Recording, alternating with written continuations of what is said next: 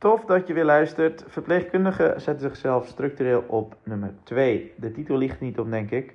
En of je nou verpleegkundige, verzorgende, helpende in de GGZ werkt of een andere vorm van zorg of dienstverlening beoefent of uitvoert, maakt voor deze niet zoveel uit.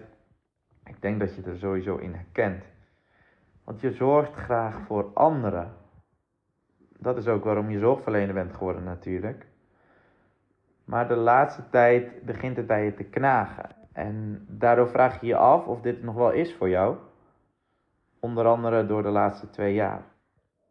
Maar ook omdat je elke dag geconfronteerd wordt met het hoge verzuim, het verloop van je collega's en de werkdruk. Die blijft gewoon hoog. En die zal ook echt hoog blijven. Je voelt je de laatste tijd vaker wel dan niet gestrest. Hebt het gevoel dat je continu aanstaat. Je bent altijd bezig. Je vindt het moeilijk om stil te staan. En je bent altijd beschikbaar en bereikbaar voor anderen. Want wat als ze je nodig hebben en je reageert niet? Je voelt je verantwoordelijk voor anderen en voor jezelf kiezen voelt dan egoïstisch. Je vindt het moeilijk om je grenzen aan te geven en voor jezelf te kiezen. Als je dan voor jezelf kiest, voel je je schuldig. Maar als je dat niet doet, baal je van jezelf. Je weet diep van binnen dat je beter en vaker voor jezelf mag zorgen. Maar iets houdt je tegen, misschien weet je niet hoe je dat doet op de lange termijn. Sowieso vind je op de lange termijn nadenken over de vraag: wat wil ik?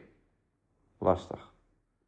Dus goed dat je hier bent, goed dat je luistert, want je mag jezelf op één gaan zetten.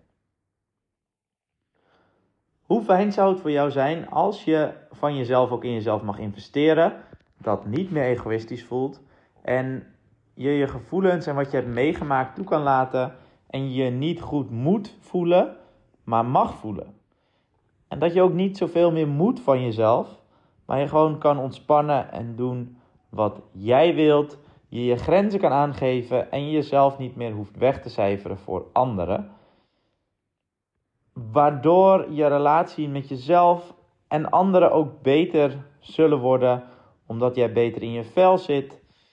En je ook weer plezier in je werk krijgt en een, gewoon ja, een fijne leven, omdat jij zelf een relaxte persoon bent. En misschien hoor je dit en denk je, ja, dat is nou allemaal wel leuk, Thomas. Ja, maar, ja, maar, ja, maar. Kijk, en ik snap het. Want je vindt het waarschijnlijk of misschien moeilijk om echt in jezelf te investeren. Misschien schaam je je om hulp in te schakelen. Voelt het als falen? Voel je je kwetsbaar? Voelt het als toegeven aan zwakte? Wil je dit niet tonen? Heb je geaccepteerd dat je zo bent? Um, ja, ondanks dat tevreden, ontevreden gevoel zelfs wel. misschien ben je bang dat je je leven moet veranderen en met jezelf breekt. Ja, als je, als je actie gaat ondernemen. En dat zijn allemaal gevoelens die heel normaal zijn om te hebben, maar die je juist in stand houdt door geen hulp te zoeken. Het is oké om je niet oké te voelen. En het is ook oké om hulp te vragen en om te investeren in jezelf. Om ja, die volgende stappen te willen zetten. Want, ja, nogmaals, hoe lekker zou het zijn als je de balans tussen je werk en privé kan bewaken, omdat je voor jezelf kiest. Dat je minder stress hebt, dat je beter in je vel zit, omdat je elke dag besteedt, aandacht besteedt aan je gezondheid. Dat je jezelf niet meer wegcijfert voor een ander, durft te kiezen voor jezelf dat alle on ongelijkwaardige relaties die je hebt, dat die beëindigd zijn. En dat nou, de gelijkwaardige relaties die je wel hebt, dat die beter zijn geworden. Omdat je zelfliefde kent. Ja, en je vanuit die zelfliefde ook meer durft uit te spreken. Ja, en helemaal onderaan de streep dat je gewoon de persoon durft te zijn die je diep van binnen bent. Omdat je gelooft dat je het waard bent. En sowieso ben ik benieuwd hoe dit, hoe dit bij je landt. Ik ben ervan overtuigd dat hier wel wat dingen in zitten waar je echt al eens eerder over na hebt gedacht. En ik ga je gewoon vertellen wat ik voor je kan betekenen. Naast alles wat ik net tegen je gezegd heb, dat is wat ik voor je zou kunnen betekenen. Maar ik ga het even concreet maken. Dus je wilt beter en vaker voor jezelf zorgen. Maar als je niet weet wat je diep van binnen tegenhoudt, hoe gaat je dat dan ooit lukken? Dus daarom heb ik mijn nou, triple B-methode ontworpen. Dat heeft niks te maken met buik, billen en benen. Ook niet met binden, boeien en behouden. Maar het staat voor beseffen, beslissen en breken. Beseffen wat jouw beperkende overtuigingen zijn, waar ze vandaan komen, wie je echt bent. Beslissen wat je wel dient, wat je niet dient, wie je wel dienen, wie je niet dienen. Ook beperkende overtuigingen, maar eigenlijk gewoon alles. En de laatste is breken met alles wat je niet meer nodig hebt. En jij bent degene die daarmee zal breken. Jij bepaalt wat wel functioneel is voor jou, wat niet functioneel is voor jou.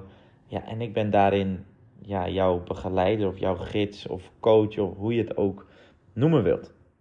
Dat doen we in zes maanden tijd. Het zijn twaalf sessies van een uur.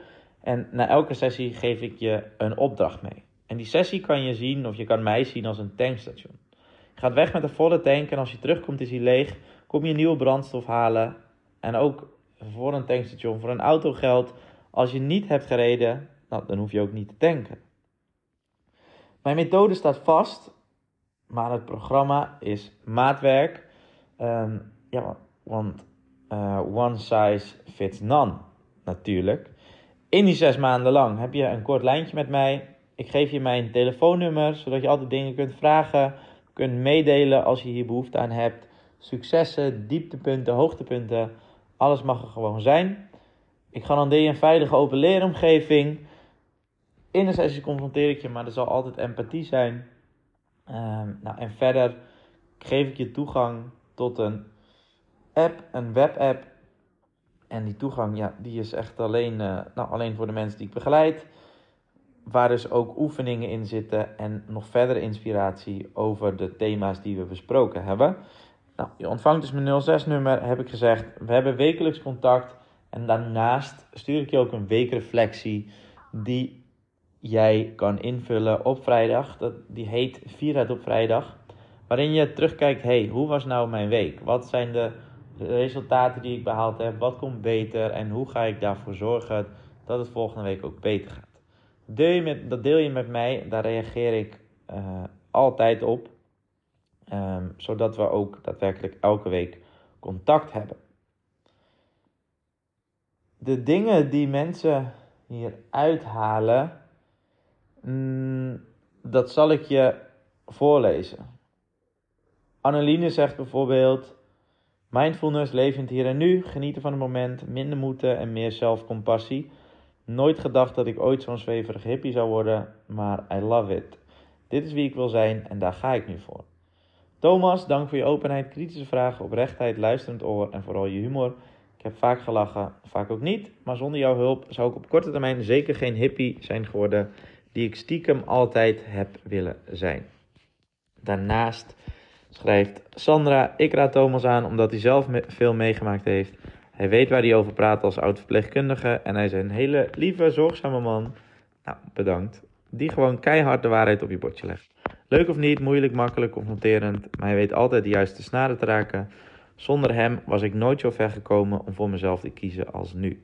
En ik krijg hele mooie reacties van mensen om me heen hoe ik positief verander.